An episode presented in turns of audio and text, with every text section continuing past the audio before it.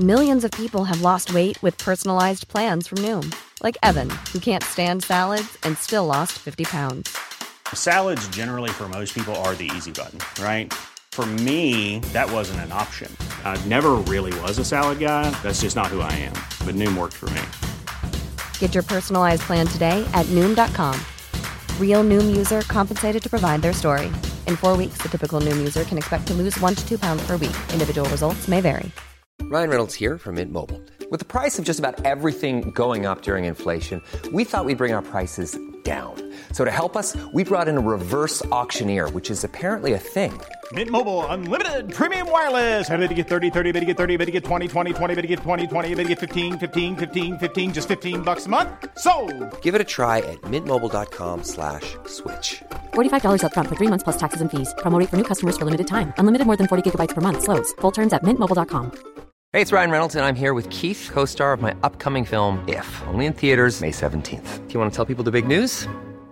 All right, I'll do it. Sign up now and you'll get unlimited for $15 a month and six months of Paramount Plus Essential Plan on us. Mintmobile.com slash switch. Upfront payment of $45 equivalent to $15 per month. Unlimited over 40 gigabytes per month. Face lower speeds. Videos at 480p. Active Mint customers by 531.24 get six months of Paramount Plus Essential Plan. Auto renews after six months. Offer ends May 31st, 2024. Separate Paramount Plus registration required. Terms and conditions apply if rated PG.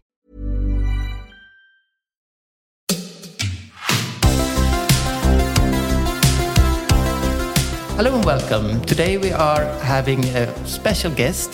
So we are uh, having, having Alex Ghotbi with Phillips Watches here at Stockholm for the first time, and we are very honored to be the only podcast invited for an interview.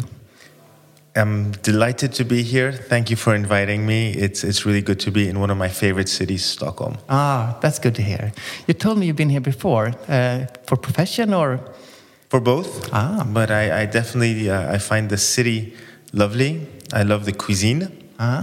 There's some um, great stores that you don't find anywhere else. So no, overall, it's it's a lovely place to be, and I'm always come back with great pleasure. Oh, it makes me happy to hear. Yeah, it's my city, so I'm, I'm really proud of it. So it makes me really happy. You're lucky to live here. Thank you. Let's let's start from the beginning. Um, I want to learn a little bit about you, you as a person, your background, and uh, a little bit uh, where you're from and so on. So, I'm um, I'm originally Iranian. Yes. Uh, I spent my time between uh, um, the U.S. and uh, Paris, where I spent the largest number of my my years. Um, I'm a lawyer by uh, by education. I was working in London and uh, Paris for uh, a dozen years as a lawyer, as a finance lawyer. But I love watches. I've been uh, crazy about watches for uh, as far as I remember.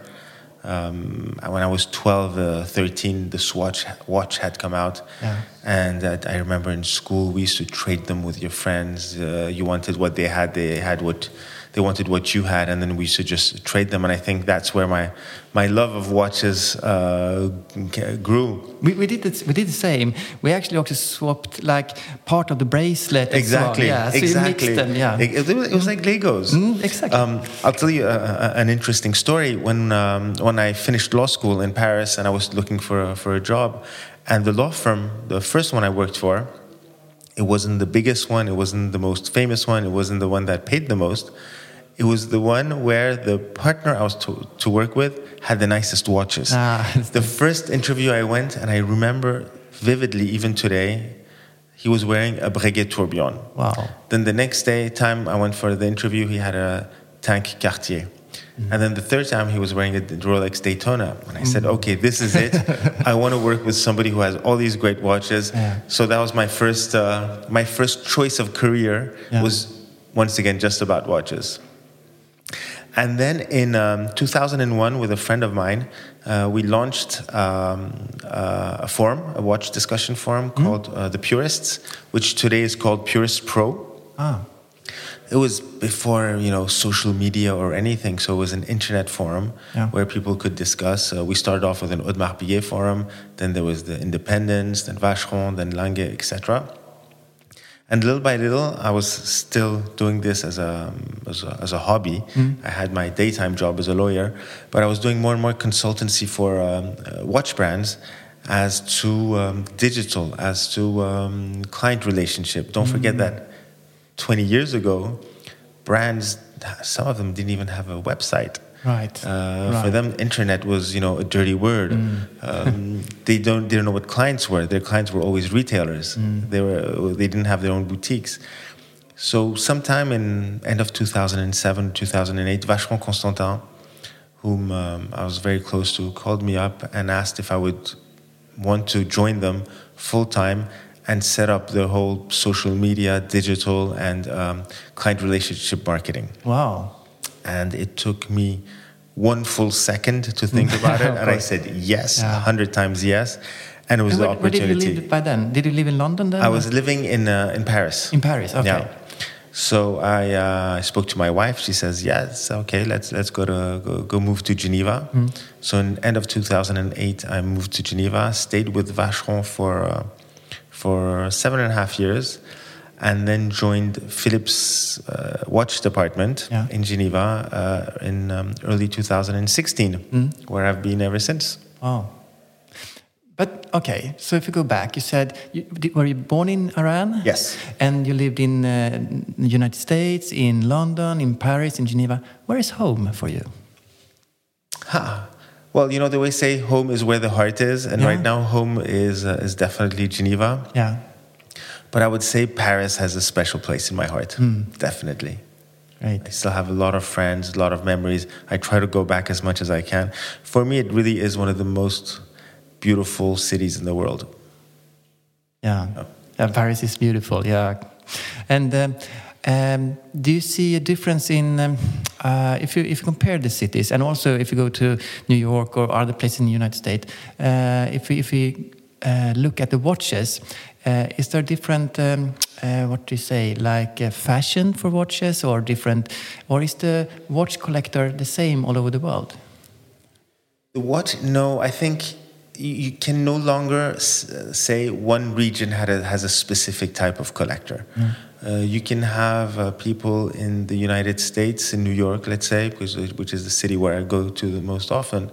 You can have people who only collect Rolexes or only Breitlings or only independent watchmakers that nobody's ever heard of mm. or Grand Seikos, etc.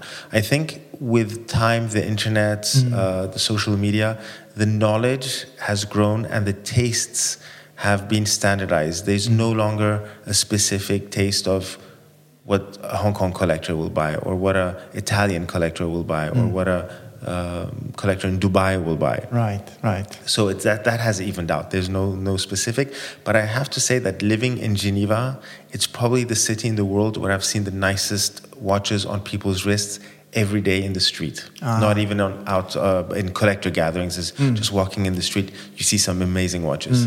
Yeah, yeah. With all the watch industry there, maybe it's more uh, normal, or or it's uh, Yes, it's, yeah. it's in people's consciousness, you know. Exactly. Well, when, when you travel to Geneva, when you arrive at the airport Mm. and you're walking to go through customs, basically the only advertisements you see are either watches or private banks. Ah, that is So it- it- really- that is Switzerland for me. exactly, yeah. exactly. Can can I also ask you what do you think? You said now that the internet has changed perhaps the behavior, and but, but absolutely the knowledge of watches all over the world. And you started out with uh, um, founding a forum, uh, not one but two or more forums, right? I did one, and then I did one for just specifically dedicated to Vacheron Constantin, which was Right. Mm. called the Hour Lounge, which doesn't exist anymore. But do you think the time for forum has passed and moved on to I don't know Instagram, or is it a, is forum always going to be there as a, a community for collectors and I think um, social media really had a blow on forums uh, just because I think, and people's attention span has come down. They just want to look at a photo. And even where I remember years ago on forums, you had collectors who came and did long articles why they bought a watch. Um, what was their thought process, etc., or even detailing a specific piece. Today, it's mostly look what I what is my latest watch. I do think so that forums to become relevant again will need to be uh, more uh, educational.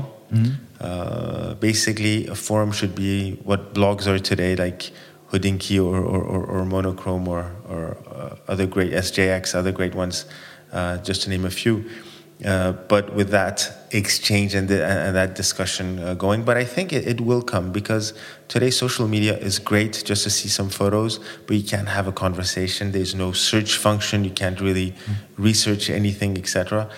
Um, I think there's a place for everything. We, we, we live a, a, fantastic period where there's so much information. Mm. You just make, need to make sure that that information which is out there is correct, mm. which is another thing to, to check. But I, I think forums. Um, the way they are today uh, would need to definitely reinvent themselves. Mm.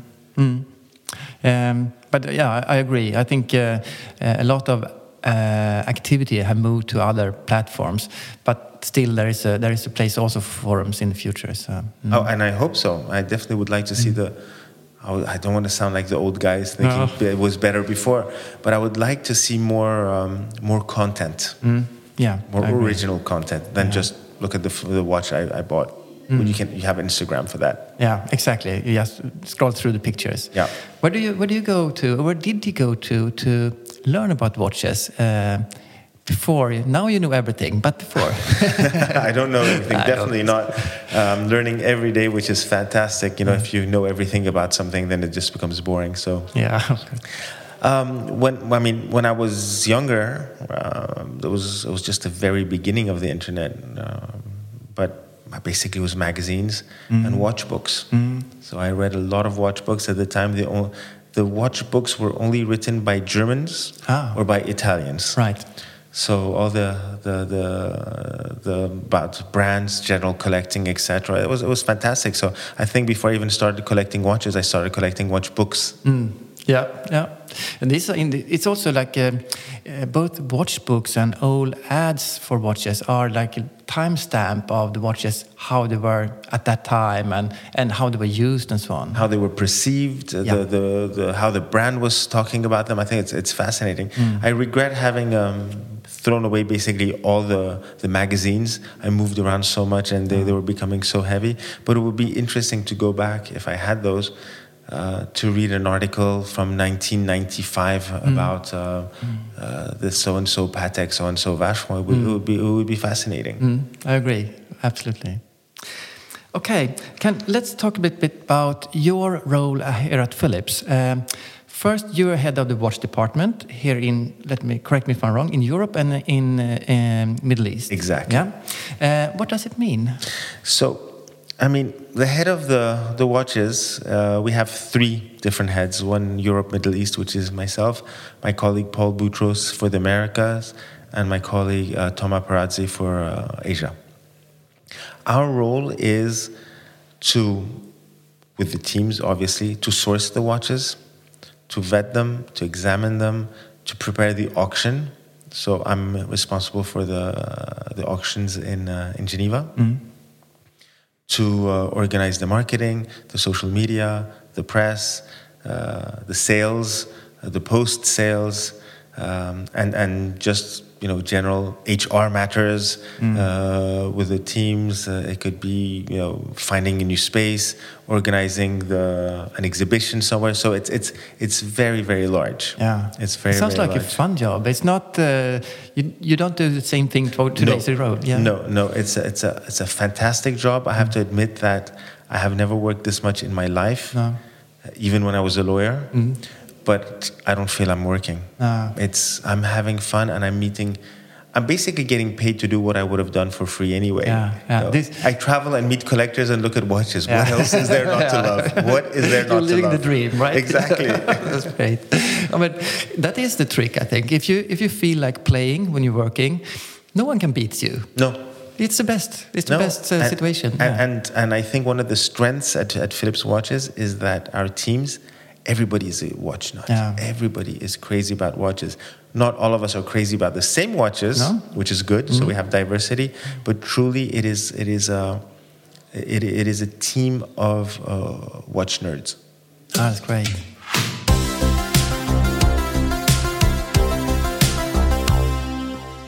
Tell me a little bit about your taste, or what is your most. Um, I mean, uh, when I try try to read a little bit about you, I it looks like um, you were very much into independent. Yes. Yes. Uh, is there anything else that is like um, what you're really um, looking into? I, I, my, my general taste and points of interest is really watchmaking, and it could be clocks, it could be a pocket watch, it could be a wristwatch, it could be a, a 50 franc watch, or it could be a 5 million franc watch. Hmm. It really is all about the history and, and, and the, the mechanics. That's what I love. I love, I love watchmaking. That's why when we get into these, sometimes collectors start saying, oh, yes, you know, the dial, the, the brand is tilted here, it has a dot there. Like, that's not watchmaking. That's hmm. just the dials. It's great, it's hmm. aesthetics, but that's not watchmaking to me. Watchmaking for me is the movement, it's the history, it's, it's the mechanics. Uh, but as I think, as far as I can go back, I've always been um, attracted to two types of watchmaking. One is vintage, and one is independent watchmakers. And I think they both overlap. They both are uh, about craftsmanship, about telling a story, uh, um, about telling, talk, speaking about history, about rarity. Um, This is Yeah. interesting. I, my, me myself, I'm, I'm a vintage person. I like that very much. I, I look at independent.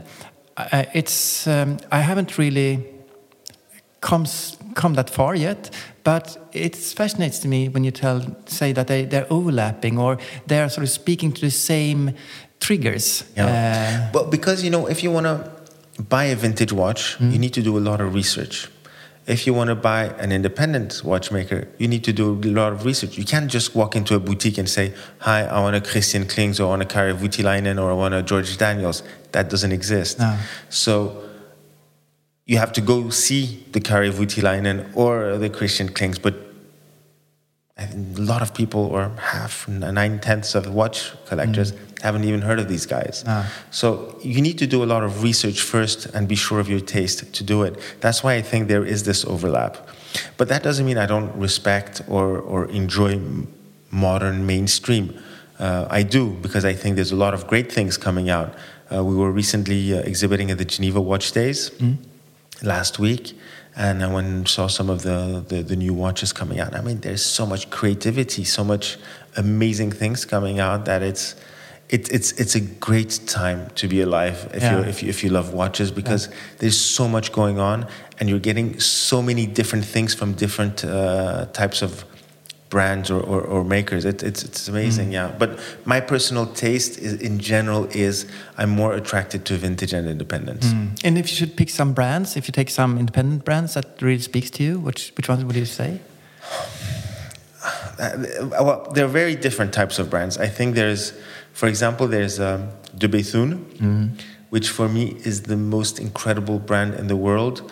Uh, Denis Flageolet, their watchmaker, he he is creating 21st century watchmaking. I think if Breguet was alive, he would be doing what Flageolet is doing, which always innovating, taking it one step further. And maybe you like the designs, maybe you don't like the designs, and they're it's it could be very controversial because they're very bold, even the the, the, technicalities of the movement.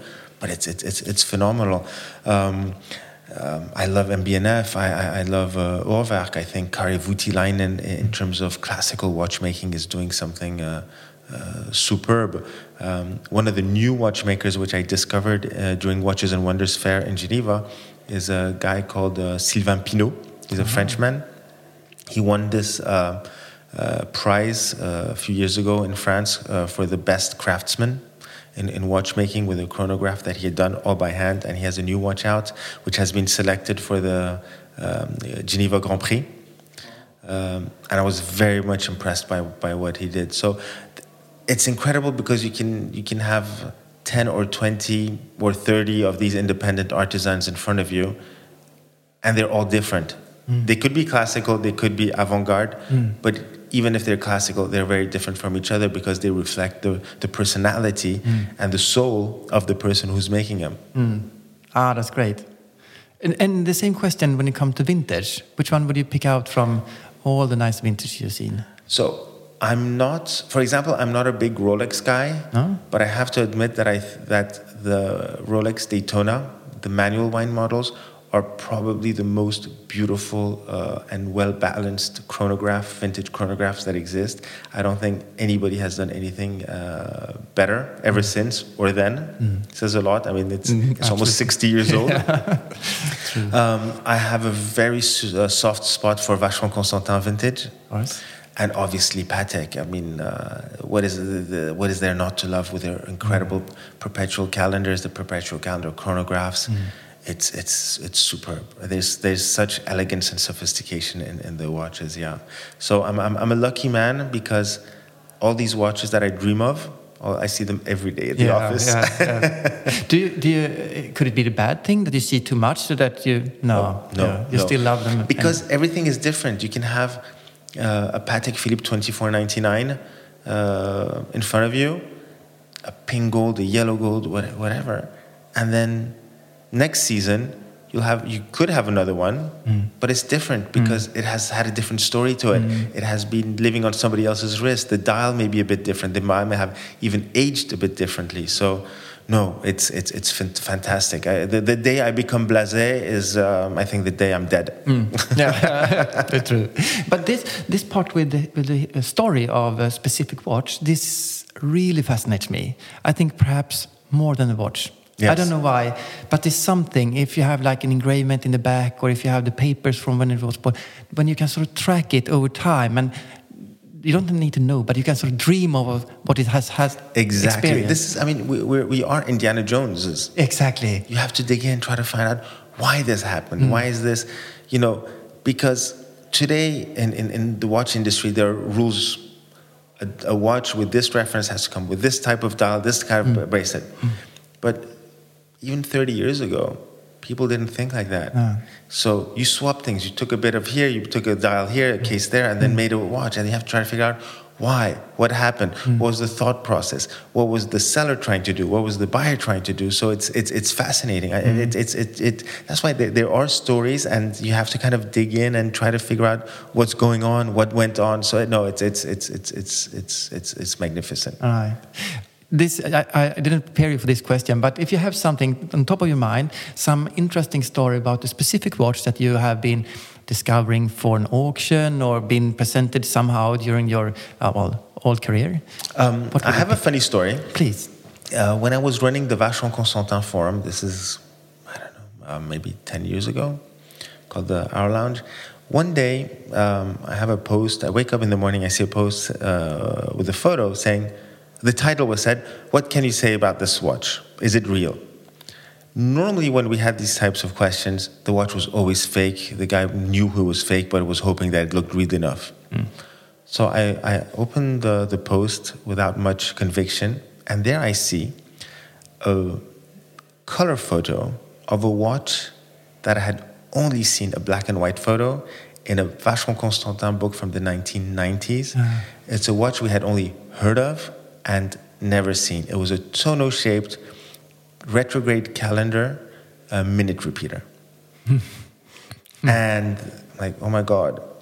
And uh, so I, I explained to the guy that this watch was very important. It's a unique piece. There was no information about it uh, published. There's only one black and white photo, and that's it.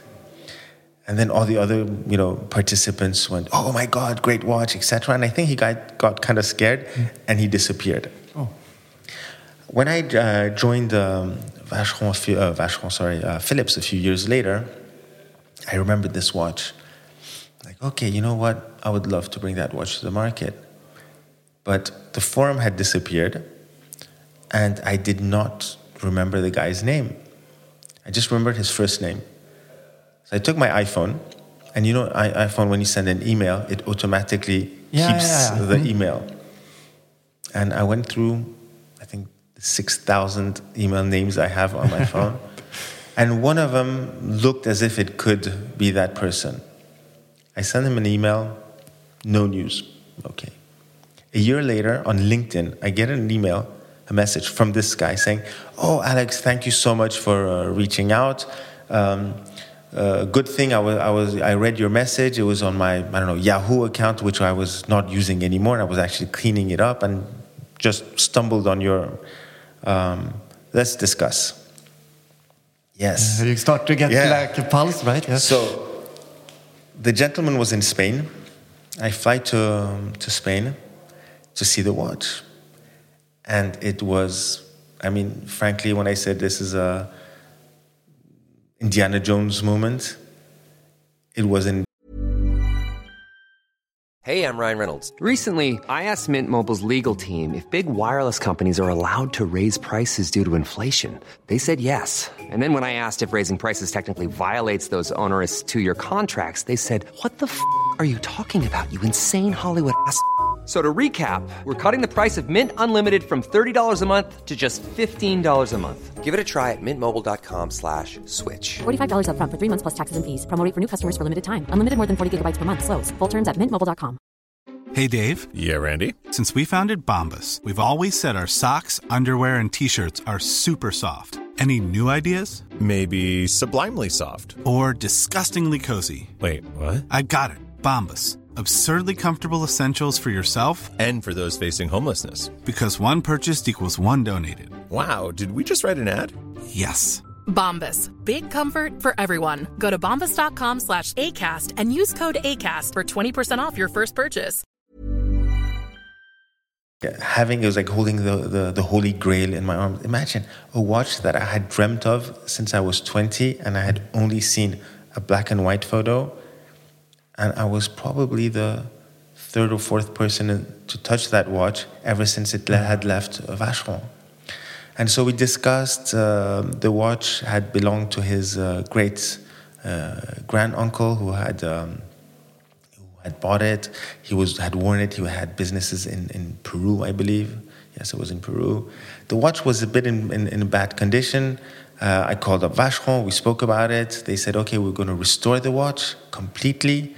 Uh, it took them a year. Oh. And uh, meanwhile, we did a lot of research and everything matched. The watch was uh, commissioned in uh, Spain by this person, by the grandfather, by the grand uncle of this person, uh, whose name was, I think, Francisco. So that's why we nicknamed the watch the Don Pancho. Ah, and uh, I mean, it was, it was incredible. And finally, after uh, almost 25 years after my having seen a black and white photo of it for the first time, and three years after having started chasing for it, it came to the market.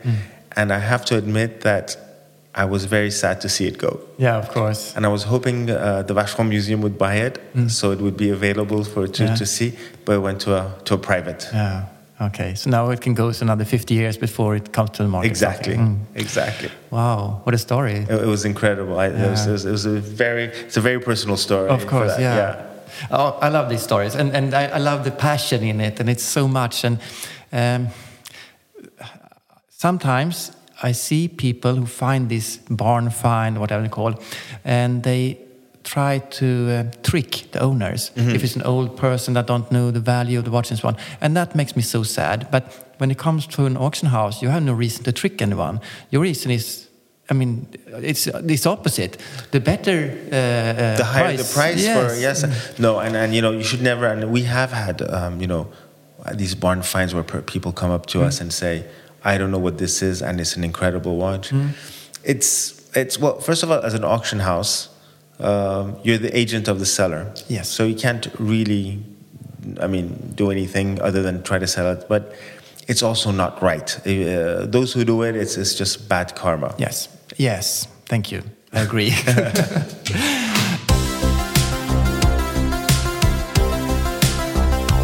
Can you describe uh, how is a normal um, uh, process of if you find a watch, uh, or how is the watches uh, uh, presented to you before an auction? And, and um, So there's there's I mean there's the different ways of getting watches. Uh, there's watches that are with collectors that we know, and we can contact them and tell them that we would want to have the watch. yeah, Uh, but normally I don't do that because somebody who's not ready to sell a watch will never be happy with the result. So that we don't do. Um, but mostly the watches come from people who we know who have decided to move on their collection. They want to upgrade, they want to change, they want to buy something else. There's people who we don't know but who've heard of us, who contact us.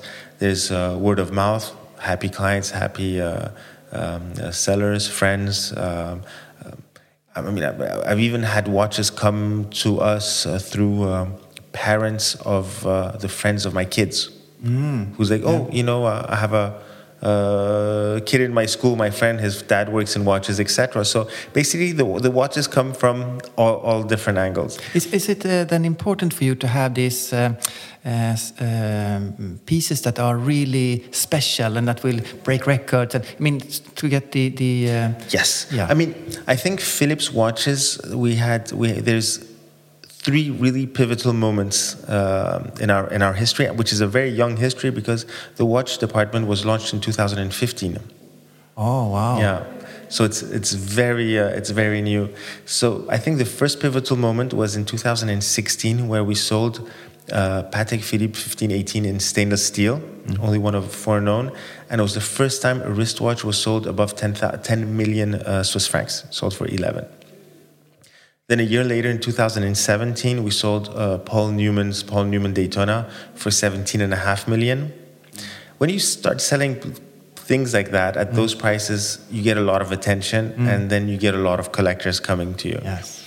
And then last year in November um 2021, we just had the highest average, say the greatest sale total uh, with 71 million Swiss francs which, which was the highest sale total for any watch auction.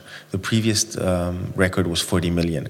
And that's when we had, you know, the first Journe subscription set, all number ones. We had all of the Philippe Dufour uh, watches. And the more you have watches like that on the market and the better prices you have, well, obviously the it's a virtuous circle. The more clients co- come to you. Um, uh, we try, at least in Geneva, we, we select between 220 to 250 watches every sale, but we, we see over 2,000 watches.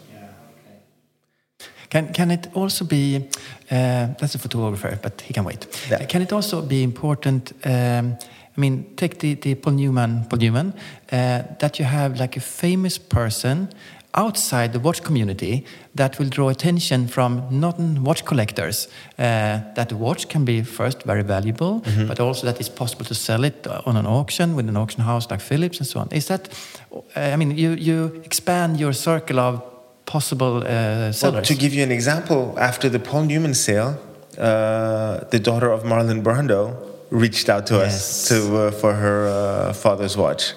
So definitely, I think today, uh, and thanks to these sales, um, watch collecting and watches, it, there has been a tipping point. Watches are no longer just you know something to be worn on the wrist and to give you time and reserved just for a bunch of you know the happy geeks who collector groups. It's it's considered as, as a work of art and very rightly so.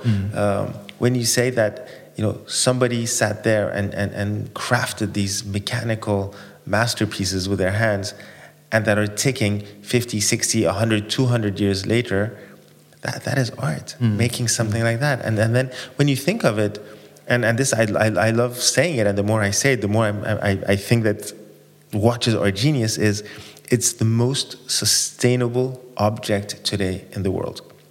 It it it needs only your energy to function. Hmm. It has been made to last you don't have to throw it away. You can use it every day, 24 7. All you need to do is after five years, give it to your watchmaker who will put a bit of oil in it, and then you continue wearing it. And then when you stop wearing it, you can give it to your kids, you can give it to your friends, and it can go on for 200 years if it's taken care of. What more sustainable do you want? Mm, exactly, I agree, hundred percent. No pollution or nothing. So, Nothing. yeah, Nothing. Fantastic. Yeah, I agree. I want to ask you a little bit um, for the next question here. Um, now Philip is visiting Stockholm. Yes. And you are showing some fantastic watches. We're going to talk a little bit about them as well. Um, but um, what is the reason for coming to Stockholm, and what is the reason for coming to Stockholm right now? Well, the reason for Stockholm is well, you know, Stockholm is um, a hub in terms of art, fashion, design. Um, and I was saying, watches are art, fashion, and design. Um, so you have to be where uh, where the action is. So that's that's why we're here, and why right now? Well, because we have uh, we we're starting the tour. We're kicking off uh, the tour of uh, um, of our watches for the Geneva sale in November, and every year the watches are taken on tour. Um, to Hong Kong, to Singapore, to New York, to London, to Geneva, to Dubai, and this year we decided to also kick off the the, the tour here in uh, in Stockholm and bring it to, to the collectors and the and the watch enthusiasts here, so they can they can see them because some of the watches are so unique and so rare that once they're gone, they're gone. So this is a unique opportunity to see some of the pieces, including the the triptych of George Daniels wristwatches that we brought with us. Tell me about that. Tell me, tell the full story because So- this is interesting. So George Daniels, you know, but I'll, I'll tell to your, to your for your auditors, is most probably or most certainly the very first independent watchmaker. He's the first one who put his name on the dial. Before watchmakers worked for a brand, uh, but their name wasn't somewhere else. Sure, uh, in, the, in the 1900s or 1800s, you had the Audemars was an independent watchmaker because he existed. Vacheron was an independent watchmaker because he, he was living. But then when all these became brands, you didn't have a, a, a sole, unique, lone watchmaker creating pieces. And George Daniels in '68, he was the first to actually decide and create his own wrist, uh, his own watch. It was a pocket watch with his name on the on, on, on the dial. And I mean, he inspired uh, the likes of François-Paul Journe today, who's probably the best known independent watchmaker, to become a watchmaker and to, to continue um, developing this, um, his oeuvre. So we have, we have the immense pleasure of having a, uh, one of the only two wristwatches that Daniels made 100% by himself. The other wristwatches he has that bear his name were made with conjunction with uh, Roger Smith, his protege and apprentice.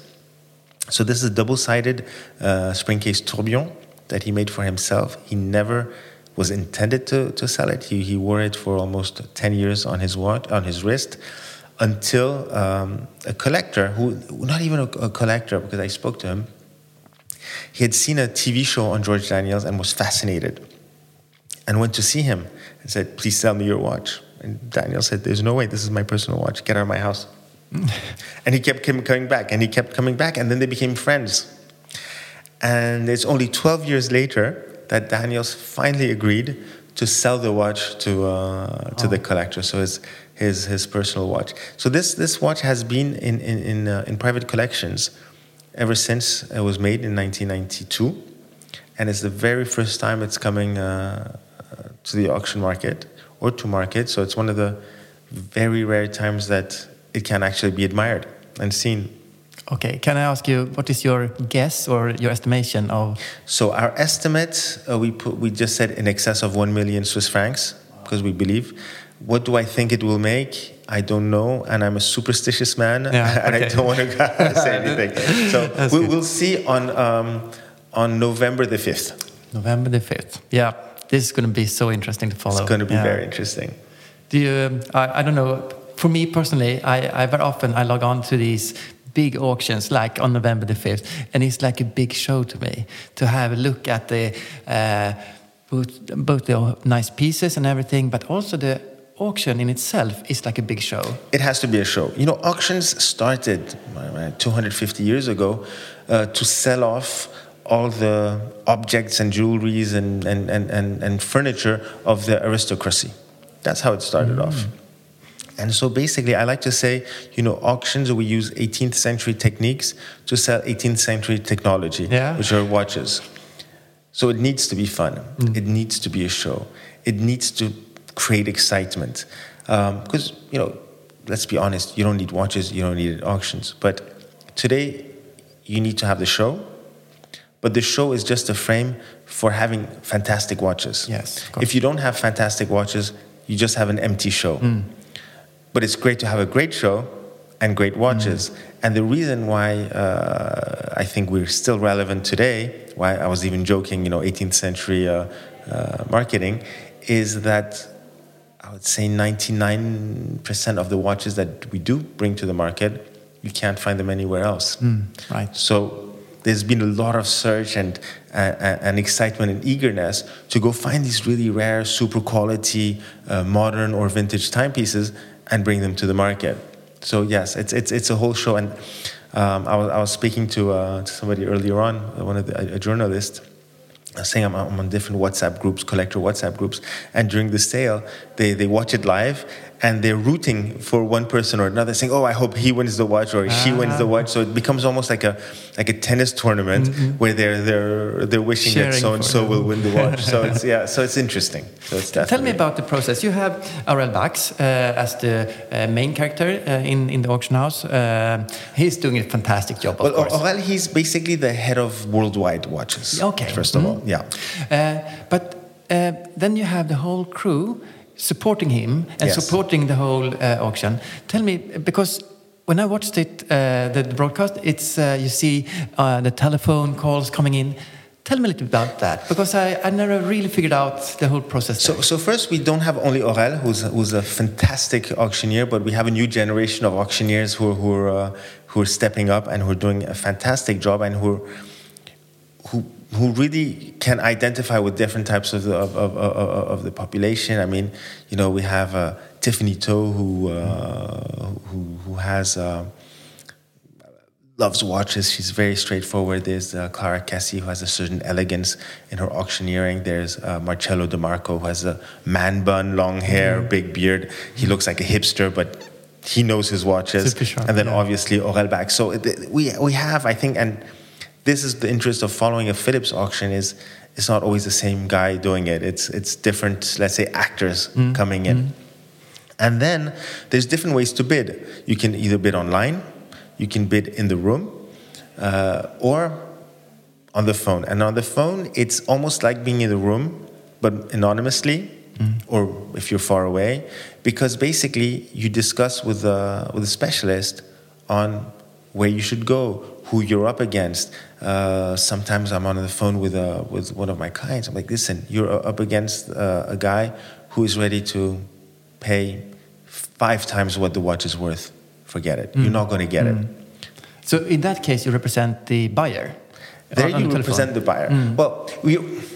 You, our goal is for the seller to get the highest price because they trust us and mm. bring us something, and you know we have to deliver but also uh, we don't want our, our, our clients to pay ridiculous prices no. for something. And you know it's our job also to um, advise them. Mm.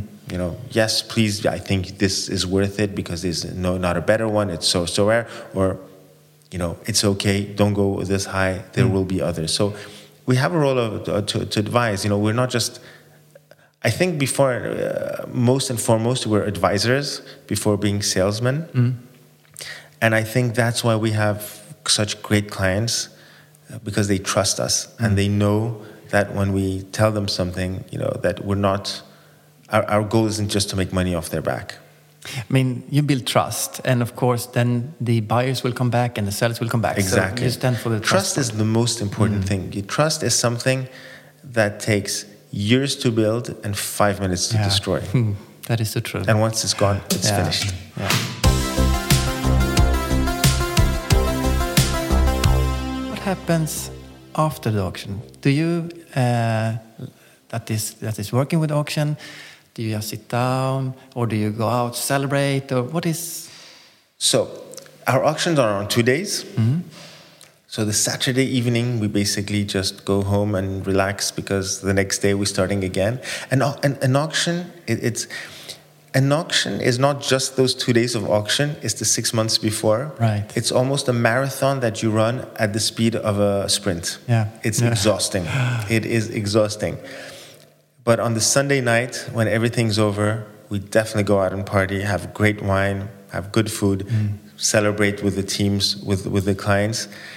And the next day and I've noticed we've spoken to a lot of uh, colleagues. We have what we call the the post auction blues. Yeah, I can imagine. like oh, you know, it's like when you have a great party and it's over, you're like, okay, so that was great. You know, you're happy. Mm.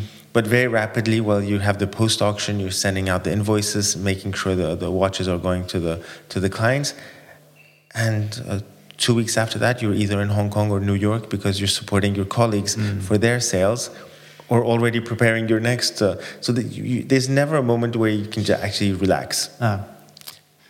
No, That's- but but I understand it's also like if you have this month of preparation and you push as much uh, uh, spotlights on these watches as possible, and then you have the grand finale with the auction, and then you have to. It's uh, the energy must go exactly, out. So, yeah, exactly. and And, sometimes you know it's it's you're sad to see some watches go because Yeah. you grow fond of them because they're so rare, they're so amazing that you're happy to see them every day at the office or do the photography or do the marketing or, or present them to collectors, etc. And then when they're gone, they're gone. Yeah, yeah, yeah. Um, oh, this is interesting. Does it make you happy or sad if they come back, the watches?